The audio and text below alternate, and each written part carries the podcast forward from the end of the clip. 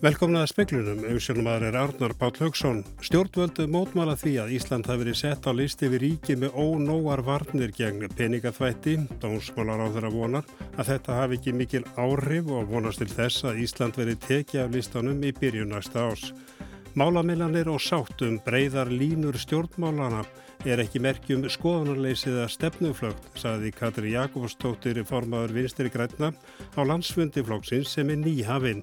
Hún sagði það áróður en ekki heiðalegt mat að tala aldrei um neitt annað en þau mál sem ekki næðust fram í samsteipu stjórn. Talið er afar mjótt verð á munum þegar breskir þingmenn greiða atkvæð á morgunum Brexit samningin sem um samtist við Europasambandi í vikunni. Forsætist frá þeirra breyta hefur í dag þrýst á þingmenn að staðfesta hann. Formaður félags framhalskólakennara segir að kennarar við fjölbrytarskóla Vesturlands hafa meðaltali 150.000 krónum lægri heildar mánalaun en kennarar í öðrum skólum. Mentamála yfir völdi verða að grýpa inn í. Dómsmálar á þeirra segir það miður að umfangsmiklar aðgeri stjórnvalda hafi ekki duga til að koma í vekk fyrir að Ísland lendi á listi við ríki sem hafa gripið til nægra ónægra aðgerða gegn peningauðat þætti og fjármagnur hriðiverkan. Íslandi fyrsta Európaríkið í þó nokkuð mörg ár sem fer á listan en þetta var tilkynnt í morgun. Ráð þeirra vonast til þess að Ísland veri tekið af honum í byrjun næsta ás. Auðvitað hefur maður áhyggjur þegar við erum sett á slíkan lista en ég tel samt að stað okkar sé góð að því leiti að það er lítið eftir sem á að laga og við þurfum bara að hafa þetta í lægi og ég er byrjum vonið við það að þetta hafi ekki mikil áhrif. Segir Áslög Arna Sigurbjörnsdóttir dónsmálar á þeirra. Hún bendir á að í tilkynningu til stjórnvalda komið fram að ekki hafi gefist tími til að fara við þær breytingar sem gerðar hafa verið á löggefni hér heima. Ég lít svo á að það sé þá uh, alveg borðliggjandi að við förum af listanum uh, í byrju næsta árs og við munum auðvitað gera allt sem í okkar valdi stendur til að hafa þessi mál í lagi og eigum að hafa þetta í lagi. Það er afar lítið eftir og líklegt að við losnum uh, fljótlega af listanum uh, og það er auðvitað mest undir að þetta hafi kvorki áhrif á almenning nýja uh, stöðuleika. Þetta var áslögu Árna Sigurbjörnsdóttir. Katrín Jakobsdóttir er á þeirra og formar vinstirir hefingarinnar græns frambóðs flytu nú opnunaræðu á landsfundi flokksins sem framfer á Grand Hotel í Reykjavík. Hún fóri við það í uppafræðu sinna hvað hún hefði talað um réttur í kostningar 2017 en eftir þær myndaði Vafki ríkistjórn með framsóknarflokki og sjálfstæðisflokki undir fórustu Katrínar. Stóru viðfangsefnin þá hefði verið þau sömu og flokkurinn hefði tekið á í ríkistjórnini meðal annars lofslagsvá og aukin jöfnur í þjóðfélaginu. Svo talaði Katrín til þeirra sem hún sagði ekki horfa á heildarmyndina heldur einstök mál þar sem Vafki hefði ekki náð öllu sínu fram. Og við þau segi ég, það er bara þannig að engin stjórnmálaflokkur í samsteipustjórn neinstæðar í heiminum hefur nokkru sinni fengið hverju einasta máli framgengt. Þetta er ekkit mjög flókið þegar maður segir það upp átt. Og það er ekki heiðalegt mat að tala þannig um slík mál. En við búum við þennan veruleika, rétt eins og samstagsflokkar okkar búum við þennan veruleika og stundum heyrist hljóð úr því horni líka. Og Þetta er sami veruleiki og allir íslenski stjórnmálaflokkar sem hafa tekið þátt í ríkistjórnarsamstarfi hafa búið við og munu gera í framtíðinni. Það er nefnilega þannig að ég tel að þetta styrki líðræðið en veiki það ekki. Málamiðlanir og sátt um breyðarlínu stjórnmálana eru ekki merki um skoðanaleysi eða stefnuflögt. Þetta móti þarf emmitt að hafa skýra sín og skýran kjarnar og þór til að semja um framgang mála með þeim hætti að meðluti þjóðarinnar geti fælt sér við niðurstöðuna til lengri tíma litið og að við mjögum málum áfram. Og þetta var brotur ræðu Katrína Jakobsdóttur sem hún flyttu nú á landsfundi VFG. Boris Jónsson, forsættisráðara Breitlands, segir fullviss um að Brexit-samningurinn sem um samtist við Európusambandið í vikunni verði samþyktur á þinginu á morgun. Breskir fjölmilar segir afar mjótt verði á mununum, fari svo að hann verði feldur, verði breytar að byggja um útgöngu þeirra úr ESB verði frestað fram yfir áramót. Boris Jónsson og starfsfólk hans í Dáningstræti 10 hefur í dag verið önnum kafið við að ringja í þingmenn neðri málstofunar og tryggja stuðnings þeirra við samningin. Þá hafa ráþeirar mætti spjall þætti útvarps og sjónvarpstöðva og talað fyrir ágætti hans. Þeir gafu sér þó tíma til að koma til ríkistjórnar fundar síðdegis en svöruðu engu þegar frettamenn spurðu hvort þeir væru vongóður um að samningurinn yrði samþyktur. Mr Shapps, will the Prime Minister have the numbers tomorrow? Will he still have to ask for an extension even if it goes through? Frettamenn Skæ sjómarfstöðvarinnar hafa kannad hugþingmanna og töldu fyrir í dag að Boris Johnson vantaði fjögur atkvaði upp á þau 320 sem hann þarf til að Brexit-samningurinn fari í gegn. Náist það ekki, ég segist fórsættisir á þeirra enn ætla að halda sínu striki og segja skilið við ESB 12 dögum síðar, 31. oktober. Hann hefur einnig sagst ætla að farað lögum en samkvæmt þeim ber honum að fara fram á það við Evrópusambandið að slítonum verði frestað til 31. janúar. Fórseti Fraklands lísti því yfir í dag að hann væri mótfallin frekari frestun, nóg væri komið af samningaviðræðum um Brexit og tími kominn til að ræða tengsl Bretlands og ESB í framtíðinni. Áskjör Tómasson saði frá. Ríflega 113 miljóna króna afgangur varð af rekstri fjölbröðarskóla Vesturlands á síðasta ári og liðlega 80 miljóna króna afgangur árið þar á undan. En tölunar segi ekki allt, kennarar við skólan eru saði langt á eftir öðrum framhaldsskólakennurum í launum.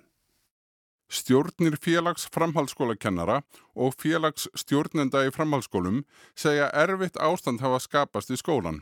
Þær vilja að menta og menningamálaráðunitið grípi inn í, flýti ákvörnum ráðningu skólamistara og gerir ráðstafanir til þess að kjör starffólks verði leiðrétt og því treyði sambærlega laun og í öðrum framhaldsskólum. Guðjón Hreitn Haugsson, formaður félags framhaldsskólakennara, segir í samtali við fréttastofu að kennarar við fjölbyrtaskóla Vesturlands hafið að meðatali 60.000 krónum lægri grunnlun á mánuði en kennarar í öðrum skólum. Tæplega 150.000 krónar munur sé á heildalönum. Þetta megir ekki til stopnarnarsamnings skólans við félaga í kennarasambandi Íslands. Stjórnir fyrrnemdra félaga segjast viljar til samstars við mentamála yfirvöld um löst þessara mála. Þær fara þess á leit að tryggt verði í komandi kjara viðræðum að tilvik eins og þetta geti ekki átt sér stað. Guðjón segir að þurfu að leiðrætta launin. Uppsafnað tap starfsfólks við skólan sé orðið gríðarlega mikið. Hann hafi miklar áhyggjur á málunu. Þetta hafi áhrif á gæði skólastarfs og þess vegna saminist félag framhalskólakennara og félag stjórnenda í framhalskólum um fyrrgreinda yfirlýsingu. Jón Hákon Haldursson saði frá. Þrýr lagnar hafa sagt til störfum á Reykjalundi frá því síðustu vikum. Settur forstjóri segist leggja brína áherslu á að bæta upplýsingagjöf til starfsfólks. Óánægja starfsfólks beinist að stjórn RCBS sem á Reykjalund eftir að forstjóra og framkvæmdastjóra lækninga var sagt upp störfum í síðustu viku. Í kjölfarið var Herdís Gunnarsdóttir sett forstjóri Reykjalundar á þriðju dag en hún var ráðinn framkvæmdastjóri endurhæfingarsviðs af fyrirverandi forstjóra og hóf störf á Reykjalundi í byrjun þessa mánadar. Sjálfsögð er þetta allt, allt önnur staða og, og ég var, get ekki neyta því að mér var mjög bröðið við þessar aðstæður. Segir Herdís. Til þess að bregðast við ólgunni innan hús hefur hún lagt á það ríka áherslu að hlúa að starfsfólki og bæta upplýsingaflæði. Mér finnst mjög mikilvægt eh, þá strax í upphafi eh, að eh, miðla upplýsingum til starfsmanna og eigða allir í óvissu. Hvernig hafa sjúklinga bröðist við þessari stöðu? Ég hef ekki heyrt annað heldur en að sjúklingar hafi haft það sérstaklega orði að, að þeir eru þakkláttir fyrir það að þeim finnst ekki þetta erfið að tímabunna ástand að hafa bytnað á þeim og hafa frekar rósað starfsólki fyrir það að, að eh, sinna þeim vel og fæla. Saði Herdi Skunnarstóttur, Andri Irkild Valsson og talaði við hana.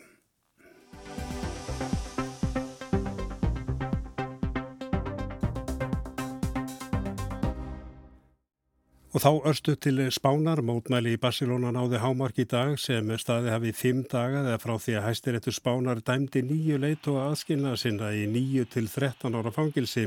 Þeim er meðal annars skefið á sög að, sög að hafa hvað til uppþóta gegn ríkinu. Og í dag voru meðal annars bóðuðu allserja verkvöld frá því morgun hefur fólk streymt til miðborgurinnar úr fimm átum eða frá fimm borgum, fólk sem hafi gengið frá þessum borgum uh, hafði margir, mörg, margt verið á göngu í þrjá dagan. Talar um að mistakosti jafnvel ein miljón taki þátt í kröfugöngunum en í símanum er Kristín Hildur Kristjánsdóttir, náttúrufræðikennari í Barcelona. Kontur sæl. Sæl. Þú varst í bænum í dag. Hvernig var ástandi og hvernig kom það þér fyrir sjónir? Já, sko, ég fór í ganguna í morgun og það kom ég bara mjög, eh, bara vel fyrir sjónir sko. Það var ekki, ekki, ekki kannski að þetta sjá að fólki væri reitt eða, eða svoleiðis. Það var bara frekar góð stemning og fólki var að syngja og, og syngja þjóðsöngin og, og, og kalla Libertad, frelsi fyrir fangana og svoleiðis. En það virðist vera núna, nú er ég horfa beinu útsendingu frá Barcelona að þá er svona, já virðist það einhver leiti fari, hafa farið úr böndunum eða hvað þú? Já, Það eru þetta alltaf svona örfóður óriðarseggi sem að skemma svolítið ímyndina sem að fara yfir strikki og byrja að hérna, kveiki ruslagámum og, og, og það fæ kannski því miður alltaf miklu aðtegli. Það, það er náttúrulega bara örlítið brota þessari reyfingu. Það er, er langsamlega styrðsamlegt fólk og, og hérna, þannig að, já, þannig að það er svona pinnlítið leðilegt fólki svona fyrir þess að því að það, það sem kemur mest í sjónvarpinu Ég sé að það er loga eldar og þetta er svona dæmigerðu götu, dæmigerða götu óverðir. Já, það er sagt að þetta er þarna sérstaklega á svæðinu nálegt lauruglustöðinu, spænsku lauruglustöðinu hérna í Barcelona þar sem að, þar sem að mestu lætin hafa verið. En, en, en, en friðfælu gang, gangunar hafa verið annar staðar aðeins lengra óvar og svo náttúrulega eins og segir það, það var að vera að lappa inn á allar helstur harbrutum það voru fullar af fólki eh, að lappa frá mismunandi stöðum og, og, og það var alveg gríðalög fjöldi og, og hérna já, bara góð stemning sko, þráttur að fólki sé náttúrulega mjög reitt yfir þessum, þessum sittilegu uh, eh, óreittlættu dómum. En þú búið að mótmæla hvað í fimm daga frá því að dómur er fjall í dag er þessi gríðaleg fjöldi í borginni hefur ekki öll starfsemi farið úr skorðum samgöngur og fleira? Jú, það var að tala um að 50% af, af hérna, verslun og þjónusta hafi verið e, lögðu neður í dag og það var einhvern veginn 20-30% af lestum og svo náttúrulega voru hraðbrutir og, og götur e, mjög mikið lokaðir vegna þess að fólki voru út á götu.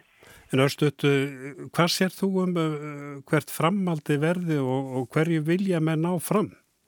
Já, Það er náttúrulega erfitt að segja, verður náttúrulega ekki, það er ekki hægt að, hafa, að halda svona mótmælum áfram endarlaug sko, þannig að hérna, það er erfitt að segja hvað framhaldið verður. Þetta, hérna, ef fólk voru svolítið langt þreytt sko, það er búið að vera mótmæla í mörg, mörg ár og, og hérna, svona lítið sem þokast áfram og alltaf bara hérna, svona meir og meiri skellir sem fólk ger að fá þannig að ég veit ekki alveg hvernig þetta og ég spurði líka sko. hverju menn vilja ná fram er, er það að menn verða leistir úr haldi eða ja, er baróttan um sjálfstæði núna að vakna á ný af fullu fullu krafti?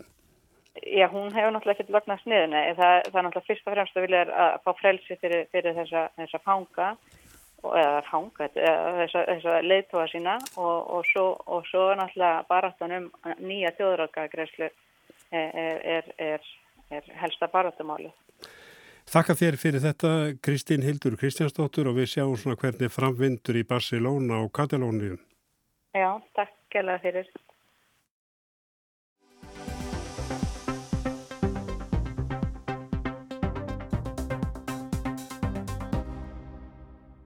Það segir sér sjálft að hjálpar og góðgera samtök af öllu tægi þurfa pening til þess að láta gott að sér leiða. Verkefnin eru brín og þeim fylgir talsört umfang og umsísla. Styrkir frá ríki og sveitafélugum duga ekki og þá þarf að leita á náðir. Afsækið aðeins. Já, Kristján. Já, sætt Kristján, Pétur heiti ég og mér langar að ræða við þig af því að þú hefur stutt eh, samtökið eitthvað GP samtökin svo vel og raustalega undanfarn ár. Mér langar að þakka kærlega fyrir stuðningin sem hefur svo sannlega komið sér vel.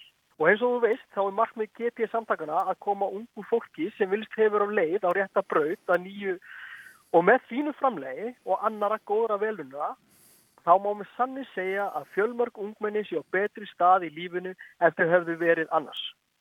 Þannig að ég vil taka þér kærlega fyrir. Já, það var ekkert GP samtökin. Já, og Nú Kristján erum við að fara á stað með nýtt átak þar sem við leggjum áherslu á að þetta unga fólk verði góðir þegnar og með því að það hjálpi sér sjálft.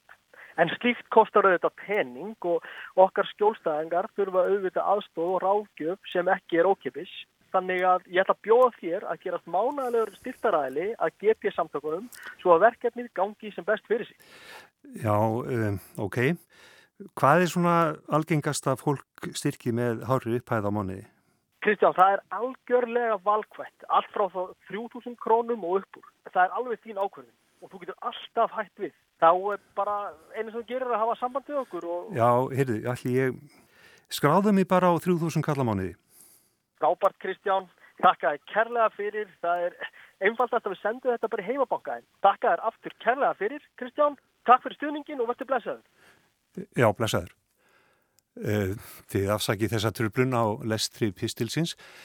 Eh, við vorum komin að því að styrkir frá ríki og sveitafélögum duga góðgerðar og sveitafélögum sjálfnast til og þess vegna leita þau á náðir almennings með ímsum hætti.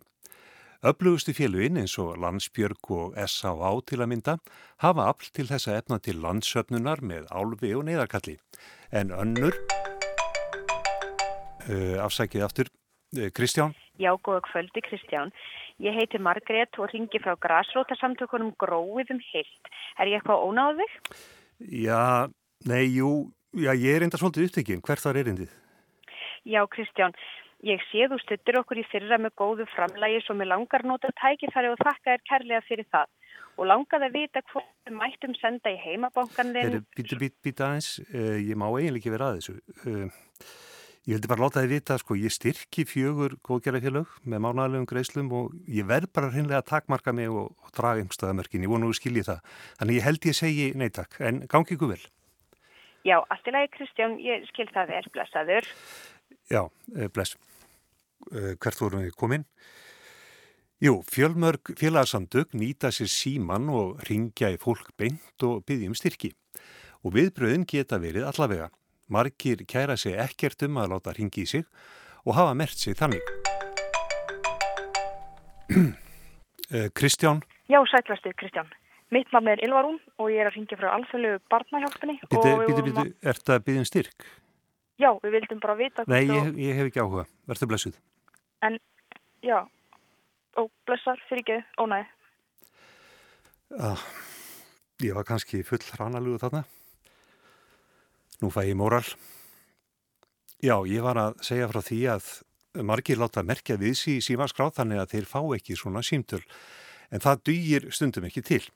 Einn viðmælandi speilsins segist á síðustu mánum hafa borgað til 13 hjálpar eða góðgerðafélaga, annarkort með mánalögum greiðslum eða engreiðslum. En hvernig bregst fólk við símtölum þessara félaga þegar þau byggja um styrk? Speilin rætti við fólk á förnum vegi í dag. Mér finnst það mjög óþægilegt og ég, svona, ég verð bara svona kvíðinn, ég finn fyrir meðvirkni og ég þarf alveg svona að mana með alla upp í að segja nei og svo einhvern veginn verið gang svona ferðlar sem ég er bara svona, þú veist, einhvern veginn að, að vega salt á milli þess að finna fyrir, fyrir reyð að ég hef verið beðin um þetta og skömm yfir að hafa þurft að neyta þessu, sko. Ég finnst þetta mjög óþægileg staða sem maður settur í, sko. Almennt reynir ég svona að afþaka pent tiltölulega snemma, bara til að sóa ekki bæði mínu tíma og þeirra. Er þetta slæm leið til að afla peninga? Hún er mjög fráhrindandi á mig, já. Þannig að þú afþakar? Já, ég ger það og svo náttúrulega er þetta líka bara svo rosalega, rosalega mikið að þú verður bara að taka einhver línu, velja þér eitthvað eitt eða tvent sem þú vilt styrkja og svo afþakka við eitt.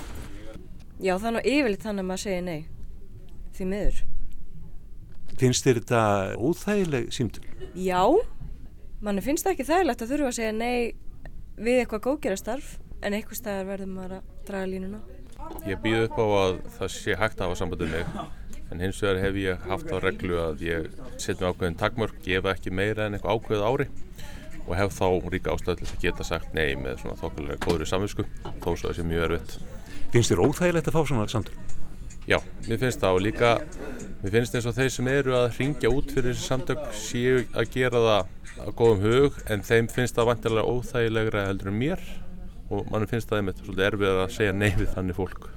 Er þetta rétt leið til þess að afla styrkja, að ringi út? Þetta er mjög gamaldags aðferð en hins vegar er svona sala einnum út einum sala mjög áhrifrik þegar kemur að svona góðgerra starfsemi þar sem við verðum að styrkja málefni sem á að höfða til tilfinninga. Ég finna að þólumæði mín og kannski umburðarlindi gagvart svona símtölum hefur mingað einfallega vegna þess að símtölum hefur fjölgað. Ég finna að ingangstekstin sem er oft mjög langur og, og, og hleypir mér seint að ég farin að stoppa hann oftar og fyrr heldur en ég gerði áður og ég finn svona, ég verð svona svolítið vælukjói, ég byrja að segja, finna mér alls konar til, til afsökunar, ég sé nú að styrkja hitt og ég sé að styrkja þetta og reyna að beina þessu frá mér. Finnst þér þetta óþægilegt? Mér finnst sko tæknin við að, hvernig þið nálgast mig oft óþægileg. Þetta tekur ofsalega langan tíma, mér finnst erfitt að stoppa einhvern í miðri ræðu en hins vegar að þá finnst mér þau ekkert taka því illa þegar ég stoppa þau þannig að þau eru greinlega vöndi að vera stoppið í miðri ræðu. Er þetta rétt leið til þess að afla peninga? Hún er tölvist ágengari, hún er svona svolítið frekari þannig að þó hún sé, svona, þó hún sé ofsalega kurtis alltaf að þá er hún ofsalega ágeng þetta er á kvöldmatatíma, þetta er á tímum þegar þú mátt eiginlega ekki vera því að hlusta á þetta og maður jafnvel segir bara já bara til þess að fá að halda áfram með það sem maður var að gera Og það var Kristján Sigurjónsson sem tók eh, þennan pistir saman og talaði við fólk á förnu vegi um síma sapnanir.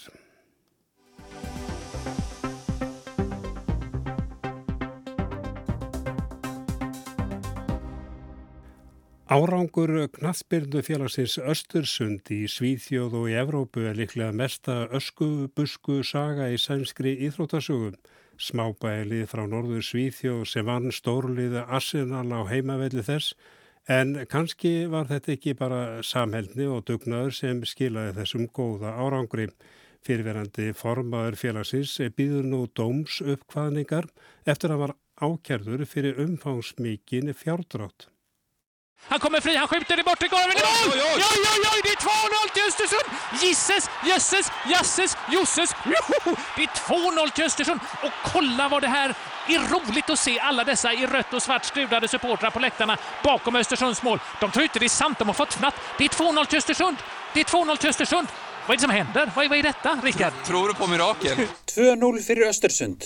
Trúir þú á kraftaverk? spurðu þauðlir sænska ríkisútvarsins í februari fyrra þegar lið Östersunds vann Arsenal, eitt stærsta knatsbyrnufélag heims, á þeirra eigin heimavelli í London.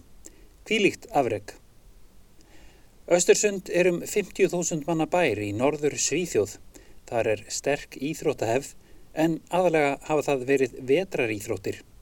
Það eru aðeins 23 ár síðan knatsbyrnufélagið Östersund var stopnað og lengst af leik það í þriðju og fjórðu deiltinni hér í Svíþjóð. En árið 2012 með nýjan þjálfara og nýjan formann í brunni, Daniel Sindberg, komst Karlalið Östersunds í næst efstu deild og svo allarleið í sænsku úrvalsteildina. Þetta smábæjarlið vakti aðtegli meðal annars fyrir nýstárlegar þjálfunaraðferðir. Knatsbytumennir voru látnir lesa ljóð og sína dans. Þjálfarin, Graham Potter, þótti bæði frumlegur og snjall. Hann þjálfar nú lið Brighton í ennsku úrvalsteildinni. Í hittið fyrra fór Östersund svo með Sigur af Holmi í sænsku byggarkeppninni og ávann sér þáttökurétt í Evrópudeildinni þar sem liðið afreikaði meðal annars að slá út sögufræk knatsbyrnulið á borð við Galatasaray og þýskaliðið Hertu Berlín og vinna svo Arsenal í London í februar í fyrra. En aðeins tveimur mánuðum síðar fór att siga á ógjafuhliðina. Östersunds fotbollsklubb ÖFK bekräftar nu att klubbens ordförande Daniel Kindberg är anhållen misstänkt för ekonomisk brottslighet. Um meðjan april var formaður knatsbyrnufélagsins Östersund, Daniel Kindberg, handtekinn og færður í varðhald grunaður um umfangsmikinn fjárdrátt. Daniel Kindberg var á þessum tíma bæði formaður knatsbyrnufélagsins Östersunds og forstjóri Östersunds HEM, fastegnafélags sem leir út um 4.000 íbúðir og verstunarými í Östersund og er alfarið í eigu bæjarfélagsins. Forsvarsmenn Östersunds HEM telja nú að Sindberg hafi, með hjálp tveggja manna, svikið gríðarlegar fjárhæðir út úr félaginu og notað hluta þeirra til að halda knattspyrnu félaginu á floti. Því þótt Östersund hafi vegnað vel á knattspyrnuvellinum hefur félagið oft staðið tæft fjárhagslega. Þegar liðið komst í næst efstu deild 2012 þurfti að laga fjárhagsstöðu þess til að það fengi að vera með og þegar það komst í efstu deild nokkru setna átti félagið í verulegum erfiðlegum með að uppfulla kröfuna um að eignir væru meiri en skuldir. Sjómarstáttur Sænska Ríkisjónarfsins uppdrag granskring Sjómarstáttur Sænska Ríkisjónarfsins uppdrag granskning saði frá því að það hafi verið gert með því að skrá rörlegan bragga sem verðmætan veitingastað og bókfæra virði hans tvísvar. Þá bendir var til þess að Östersundshjem hafi keift byggingarlóð á þriðjungi hærra verði en eðlilegt getur talist, munurinn um 500 miljónir íslenskra króna. Meðal þess sem gerði fjárhagslega stöðu knatsbyrnu félagsins bærilega voru háir styrkir frá verktakan okkrum. Hann styrti Östersund um jafnverði 20 miljóna íslenskra króna sem var nokkuð kunstugt að mati skattaeyfirvalda því að þetta var ju bara eins manns fyrirtæki. Rannsókn skattaeyfirvalda leiti til laurugluransóknar húsleita og handtöku Daniels Sínberg. Meðal þess sem fannst á skrifstofu hans var handskrifaður miði sem ástóð luftfaktúrur, platreikningar og útlistanir á því hvernig rukka ætti fyrir mismunandi verk. Saksóknari heldur því nú fram að Sindberg og tveir samverkamenn hans hafi svikið fjö út úr fastegnafélagi bæjarins með því að senda því tilhæfulösa reikninga upp á alls um 15 miljónir sænskra króna. Það eru um 200 miljónir íslenskra króna. Stór hluti fjárins á að hafa endað hjá knatsbyrnfélaginu en hluti þess farið í að greiða aðra reikninga eða beint í vasa verktakans sjálfs. Við réttarhaldi málunu sem stóðu yfir allan síðasta mánuð sagði saksóknari að rukkað hafi verið fyrir vinnu sem aldrei var unnin, alls um 20.000 klukkustundir á 5 árum. Saksóknari lísti því meðal annars að verktækin haldi því fram að hann hafi unnið í þúsundir klukkustunda á byggingarsvæði í Östersund og því hljótið hann að það var notað eldsneiti um það byl 200.000 lítra samkvæmt sínum útrekningum. Engu að síður geti verktakin aðeins sínt fram á að hann hafi keift tæpa 300 lítra í tengslum við verkið. Ákjöruvaldið fer fram á fjögra ára fangilsi yfir Sindberg og þryggja til fjögra ára fangilsi yfir meintum samstarfsmönnum hans tveimur en menninir neyta allri sög. Réttaröldum við hérastómstólun í Angurmannalandi laug 1. oktober og verður dómur hveðin upp 15. november. Fastegnafélag bæjarins Östersundshem stendur laskað eftir. Forsvarsmenn þess áallar nú að félagið sem alla jafna skilar hóflögum hagnaði hafi tapað jafnverði um tveggja og háls miljardar íslenskara króna í fyrra. Útlýtt er fyrir að á annan tök starfsmanna verði sagt upp og auðvitað eru það bæjarbúar, eigandur félagsins, sem borga brúsan. Knatsverðinfélagið Östersund er líka íllastatt fjárhagslega Það skuldar skattinum háa fjárhæð og þarf alls jafnverði um 130 miljóna íslenskar króna til að tryggja framtíð sína. Þrýr fyrirvænandi þjálfarar hafa reyndar lagt eitthvað í búkið og Daniel Sindberg sjálfur hefur lánað knallspunnfélaginu alls 6 miljónir sænskar króna til rekstursins um 70 miljónir íslenskar. Þá lofaði hann líka að greiða ferðarkostnað liðsins vegna tveggja útileikja nú í haust svo að liðið geti lokið keppni í deildinni. Smábæjarliðið Östersund er enn í efstu deild og nokkrum stigum frá fallsæti. Áhangandur þess sem uppdrag granskning fréttatháttur Sænska Ríkisjónarsins hefur rætt við eru samt heimilifandi með árangurinn. Var hann þess virði, jafnvel ef formaðurinn braut lög til að gera félaginu þetta mögulegt? Já, auðvita. Jafnvel þótt hann hafi brotu lögin. Och skulle man eh, få välja på det där att eh, det inte är något brottsligt bakom ut och det skulle ha betytt att vi inte har fått uppleva det här. Då, då väljer jag tveklöst det här vi fått uppleva. Det har trots allt varit värt det då? Ja, det tycker jag. Og það var Kári Gilvarsson sem að saði frá og ég sé í sjóarfni að það er enn eh, mótbælt á gödum Barcelona en speklunum er lokið. Teknimar var Lítiða Gretarstóttir verið sæl og góða helgi.